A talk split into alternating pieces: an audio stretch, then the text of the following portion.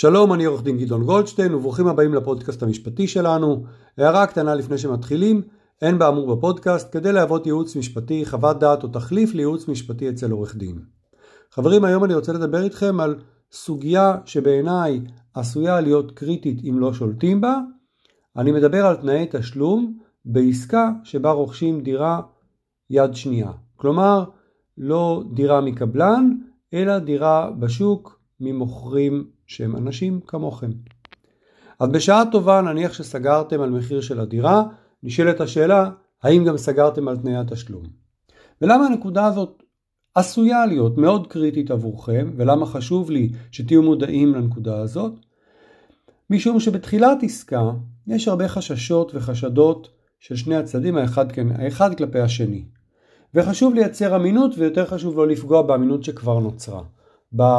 תחילה של הקשר הזה שנוצר ביניכם, כי יש לכם עוד דרך ארוכה לעבור, ואנשים לא נוטים לעשות עסקאות של מיליוני שקלים, מה לעשות, זה המחיר של דירות בישראל, אם הם לא מרגישים שהצד השני הוא אמין, אוקיי?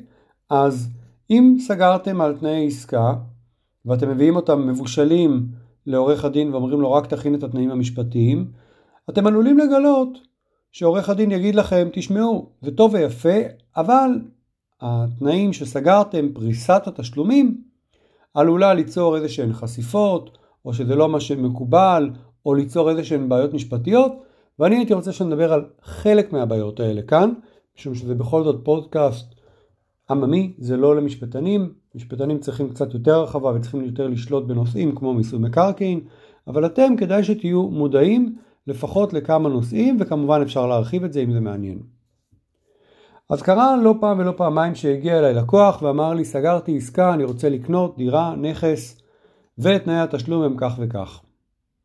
ולפעמים תנאי התשלום הם כאלה שהלקוח אומר לי סגרתי 25% בחתימה והשאר במסירת הדירה.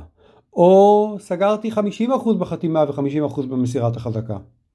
אז השאלה האם זה נכון לשים 25%, 50%, האם זה מעט מדי, האם זה יותר מדי, האם זה יוצר איזושהי בעיה?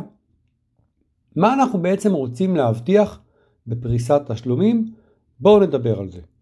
בתור ראשי פרקים אני אציין מספר מטרות. אני חושב שכשאתם סוגרים תשלומים יש לכם מטרה בעצם לפרוס אותם בצורה שתבטיח אתכם הקונים ואגב גם המוכרים צריכים לקבל איזושהי בטוחה בתשלומים האלה אבל אני אדבר כאן מהצד, מהזווית של הקונים אתם צריכים להבטיח כמה דברים. אחד, אתם רוצים לשריין את הדירה שלכם. אתם נמצאים, בטח היום, עדיין בשוק של מוכרים. זאת אומרת שאם אתם לא תקנו, כנראה שיהיה מישהו אחריכם בתור שירצה מאוד לקנות את הדירה, אז אתם רוצים לשריין לעצמכם את הדירה. אגב, גם המוכרים זה אינטרס שלהם לדעת שאם הם נכנסים איתכם למשא ומתן, זהו, אתם מחויבים אליהם. מה, מה מקובל ואיך עושים את זה ובאיזה אחוז, תכף נדבר. דבר נוסף, אני חושב שאתם כקונים חייבים לדאוג, בעצם עורך הדין שלכם חייב לדאוג לזה שהמוכרים ישלמו את כל תשלומי המיסים שמקובל שמוטלים על מוכרים. ולמה כל זה חשוב? כדי שבבוא היום תוכלו לרשום את הדירה על שמכם בטאבו או בפנקסי המקרקעין האחרים אם הרישום הוא לא בטאבו. אוקיי, אישורי מיסים זה דבר חשוב, אם האישורים אם אין אישורי מיסים, אם יש חובות במס, אי אפשר להעביר את הדירה על שם הקונים, ואתם רוצים שהמוכרים יישאו בחלקים שלהם. יש גם מס לרוכשים, יש אה, מס רכישה, יש עוד דברים, נדבר על זה. דבר נוסף, אתם רוצים שהדירה תעבור אליכם אה, נקייה מכל חוב קודם, לאו דווקא אותם אישורי מיסים, אלא מכל בעיה, ואולי גם בלי חריגות בנייה, כדי שלא תאלצו להתמודד איתם ביום מן הימים. מה עוד? נקודה נוספת שהדירה תימסר לכם בזמן.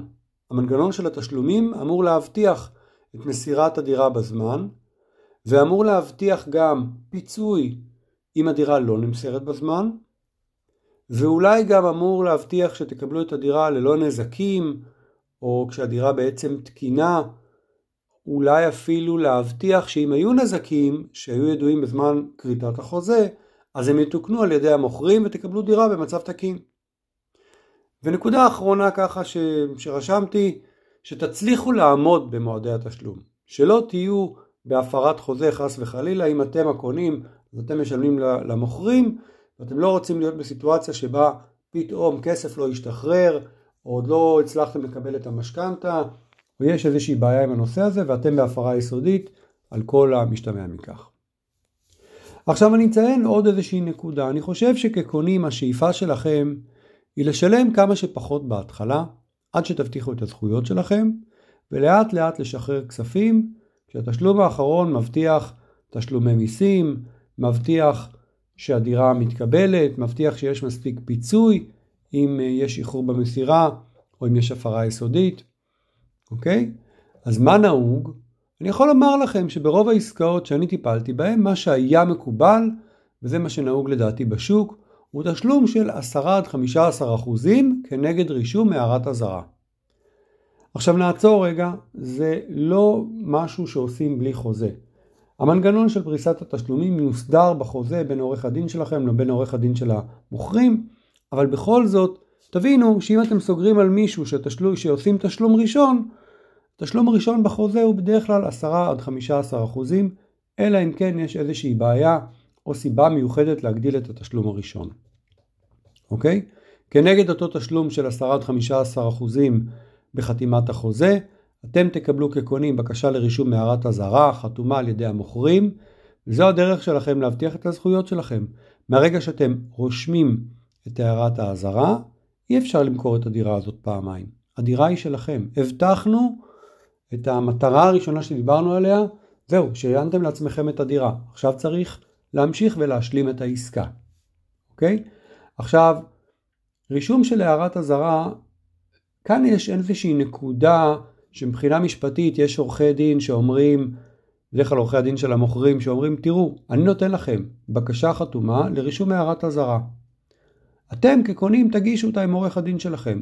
לא מעניין אותי אם הגשתם או לא הגשתם, זאת בעיה שלכם. אני תוך יומיים או מקסימום שלושה ימים משחרר את התשלום הראשון למוכ... למוכרים. אני בינתיים מחזיק את התשלום הראשון בנאמנות, בצ'ק בנאמנות אצלי, ומשחרר אותו מיד, מיד שעברו יומיים או שלושה. אני כאן חושב שצריך אה, להשתדל, אני חושב שזה גם אינטרס של שני הצדדים, שקודם כל תירשם הערת אזהרה ורק אז יועבר הכסף. ואם יש איזושהי בעיה ברישום הערת האזהרה, תפתרו אותו, תבדקו למה אי אפשר לרשום הערת אזהרה, תפתרו אותו ורק אז הכסף עובר למוכרים. זה אגב ברמה הקצת יותר משפטית, קצת יותר זהירה. אוקיי, אז נניח ששילמתם את התשלום הראשון, נרשמה הערת אזהרה, מה מונע מכם להמשיך את אה, המשך התשלומים, לשלם את הכל ולקבל חזקה בדירה? אז בואו נראה מה יכול למנוע מכם. קודם כל, הרבה פעמים למוכרים יש משכנתה. אז האינטרס שלכם כקונים הוא לסלק את המשכנתה, שלא יהיה איזשהו גורם שיש לו עדיין זכויות בדירה. אז בתשלום הבא, התשלום השני, מומלץ לסלק או לכל הפחות להקטין את, התשל... את המשכנתה מתוך התשלום הבא. כלומר כל התשלום הולך לסילוק המשכנתה, אם הצלחנו לחסל אותה מעולה, שאר התשלום הולך אה, למוכרים. אגב, עורך הדין שלכם אמור לוודא שאתם משלמים את התשלום הבא, אם יש משכנתה כמובן, רק כנגד מה שמכונה מכתב כוונות מהבנק של המוכרים. מכתב הזה אומר שאם אתם משלמים סכום מסוים לבנק של המוכרים כנגד הסכום הזה, הבנק ימחק ויסלק את המשכנתה שלו. בסוף זה האינטרס שלכם, אתם רוצים לקבל דירה נקייה ממשכנתה של המוכרים, ואולי גם להיות מסוגלים לרשום משכנתה מטעם הבנק שלכם, אם אתם צריכים משכנתה. ולכן צריך לסלק את המשכנתה של המוכרים. כאן, לעניין לוחות הזמנים, כדאי שתדעו לסלק משכנתה, הבנק לוקח לעצמו 30 יום, עד 30 יום מהיום שבו הוא קיבל תשלום, ולכם, אם אתם קובעים במנגנון התשלומים שלכם שאתם משלמים ואתם חושבים שכבר חמישה שבוע, חמישה ימים, שבוע אחר כך אתם כבר תוכלו לרשום את המשכנתה על שמכם, תרווחו את לוחות הזמנים. קחו את זה ברמה שתוכלו לוודא שהמשכנתה סולקה, להוציא נסח טאבו נקי, לראות שאין יותר הערת אזהרה לטובת הבנק של המוכרים, ורק אז לשלם את התשלום הבא. אוקיי? זה חשוב. עוד משהו שצריך לקחת בחשבון. זה שאתם קונים דירה, זה לאו דווקא אומר שזו הדירה הראשונה שלכם, ויכול להיות שזו הדירה השנייה וכדי לש... או השלישית, או אני לא יודע כמה, וכדי לשחרר כספים לרכישת הדירה, אתם צריכים למכור בעצמכם איזושהי דירה שבבעלותכם היום. אז כאן יש לנו עסקה שהיא תלויה בעסקה וצריך לתפור את לוחות הזמנים כך שהכספים ממכירת הדירה שלכם ישתחררו עם אותם מנגנונים שאנחנו מדברים על העקרונות שלהם כאן. הכספים האלה צריכים להשתחרר ואתם צריכים לקבל אותם ולתת מספיק זמן לצד השני למקרה שיש איזשהו איחור או הפרה, הפרה שאינה יסודית, איחור במסיר, בתשלומים, כדי שאתם תקבלו את הכספים האלה ותשלמו אותם הלאה למוכרים. זו עוד נקודה. יש עניין נוסף, אני רק אציין אותו בשתי מילים, כי אני חושב שזה עניין משפטי שמיועד יותר לעורכי דין שאמורים להכיר אותו. חוק מיסוי מקרקעין בעצמו מטיל איזושהי מגבלה, אי אפשר לשלם למוכר יותר מ-40% ממחיר העסקה לפני ששולמו מקדמות מס שבח. אמרתי את זה ואני שם את זה בצד בלי להסביר, כדי לא לסבך יותר מדי. מי שבאמת מתעניין מה זה ורוצה לדעת, שישלח אליי שאלה, יקבל תשובה מסודרת. עורכי הדין שלכם אמורים לשלוט בנושא הזה לחלוטין. בואו נדבר רגע על נושא המיסים. הזכרתי בתחילת הפרק שכדי להעביר את הדירה בטאבו או בפנקסי המקרקעין האחרים שבהם רשומה דירה על שמכם, על שם הקונים, צריך לספק אישורי מיסים. כמובן צריך עוד מסמכים, צריך להראות שיש הסכם מכר, צריך להראות שטרות מכר, ייפויי כוח, אבל זה המקום שבו רשויות המס מקבלות כסף. ויש כמובן את מס הרכישה שהרוכשים חייבים בו, כמעט תמיד, אלא אם כן יש להם איזשהו פטור מיוחד, ויש גם את מס השבח שמוכרים חייבים פה, חייבים בו, אלא אם כן המוכרים יש להם פטור, הם יכולים להשתמש בפטור, הפטור הזה הוא גם מוגבל בסכום, אלא אם כן המוכרים יש להם איזשהו הסדר אחר מול רשויות המס, התחשבנות אחרת מול רשויות המס. צריך להבין שיש שני סוגים של אישורי מיסים שבדרך כלל חלים על המוכרים. מדובר על מס שבח ומדובר על אישורי עירייה ואישורי ועדה מקומית לתכנון ובנייה. אז מה שבח דיברנו, אתם צריכים להסדיר, או אולי לא דיברנו מספיק, אתם צריכים לדאוג, לוודא שהמוכרים ישלמו את מס השבח שלהם, או יקבלו את הפטור שלהם ממס שבח, ואז את הפטור הזה מציגים לטאבו כדי להעביר את הזכויות על שמכם. עוד דבר שצריך להציג לטאבו הוא כמובן מס הרכישה שעליו דיברנו, אישור מס הרכישה, ודבר נוסף הוא אישורי העירייה ואישורי הוועדה המקומית לתכנון ובנייה. כאן צריך להבטיח את התשלומים האלה, גם את מס השבח וגם את אישור הוועדה לתכנון ובנייה ואישור העירייה. יש גם סעיפים בחוזה שאתם תסדירו אותם בין עורכי הדין במסגרת המשא ומתן, מי נושא בהיטלי ההשבחה והיטלים שונים, המוכרים או הקונים, אנחנו לא ניכנס לזה בפרק הזה, זה מסובך וזה נושא משפטי לחלוטין, אבל כן, בואו ניכנס ונסביר לכם, וזה שוב, זה לא כל כך אמור לעניין אתכם בשלב שאתם רק מדברים וסוגרים עסקה, אבל שתקבלו את התמונה הכללית. כש... כשרוצים לשלם את התשלום הסופי האחרון על חשבון התמורה, וכשעדיין לא מתקבלים אישורי מיסים, והדבר הזה יכול לקרות, משום שלפעמים אנשים עושים עסקה שמושלמת תוך 60 יום, 90 יום, חצי שנה, ואומרים אוקיי, התשלום הראשון מבוצע במועד חתימת החוזה, תוך חצי שנה אנחנו גומרים את כל התשלומים, סילקנו את המשכנתה של המוכרים, רשמנו משכנתה על שם הקונים, וכן הלאה, ואנחנו רוצים להגיע לתשלום האחרון ולקבל את החזקה בדירה, לקבל מסירה. אז, אבל יכול להיות סיטואציה שאישורי המיסים עדיין לא הגיעו. למשל, אישור מס שבח יכול להיות שלא יגיע. למה? כי רשויות מיסוי מקרקעין לוקחות לעצמם עד שמונה חודשים להגיב לשומה שמגישים אליהם, לבקשה שמגישים אליהם לקבל אישור מס שבח. למה? כי לעיריות זה לוקח כמה חודשים, הרבה פעמים לוקח להם 90 ימי עסקים להגיב לבקשה לאישור עירייה ואישור ועדה מקומית לתכנון ובנייה. בטח אם זה נכסים מורכבים או צמודי קרקע, שבהם העיריות צריכות ממש אה, להוציא אה, שומה, ולכן יכול להיות סיטואציה שהגיע התשלום האחרון, אבל המוכר עוד לא הצליח לקבל את אישורי המסים, ולא תמיד באשמתו. זה בהחלט יכול להיות באשמת הרשויות שלוקחות את הזמן שלהם לטפל בזה. מה עושים? יוצרים מנגנון נאמנות מקובל וידוע שבו מחליטים מה הסכומים שעלולים להיות אה, בחשיפות המס השונות. זה יכול להיות מאות אלפי שקלים, זה יכול להיות אפילו יותר מזה, ואז לוקחים את התשלום האחרון ומחלקים אותו.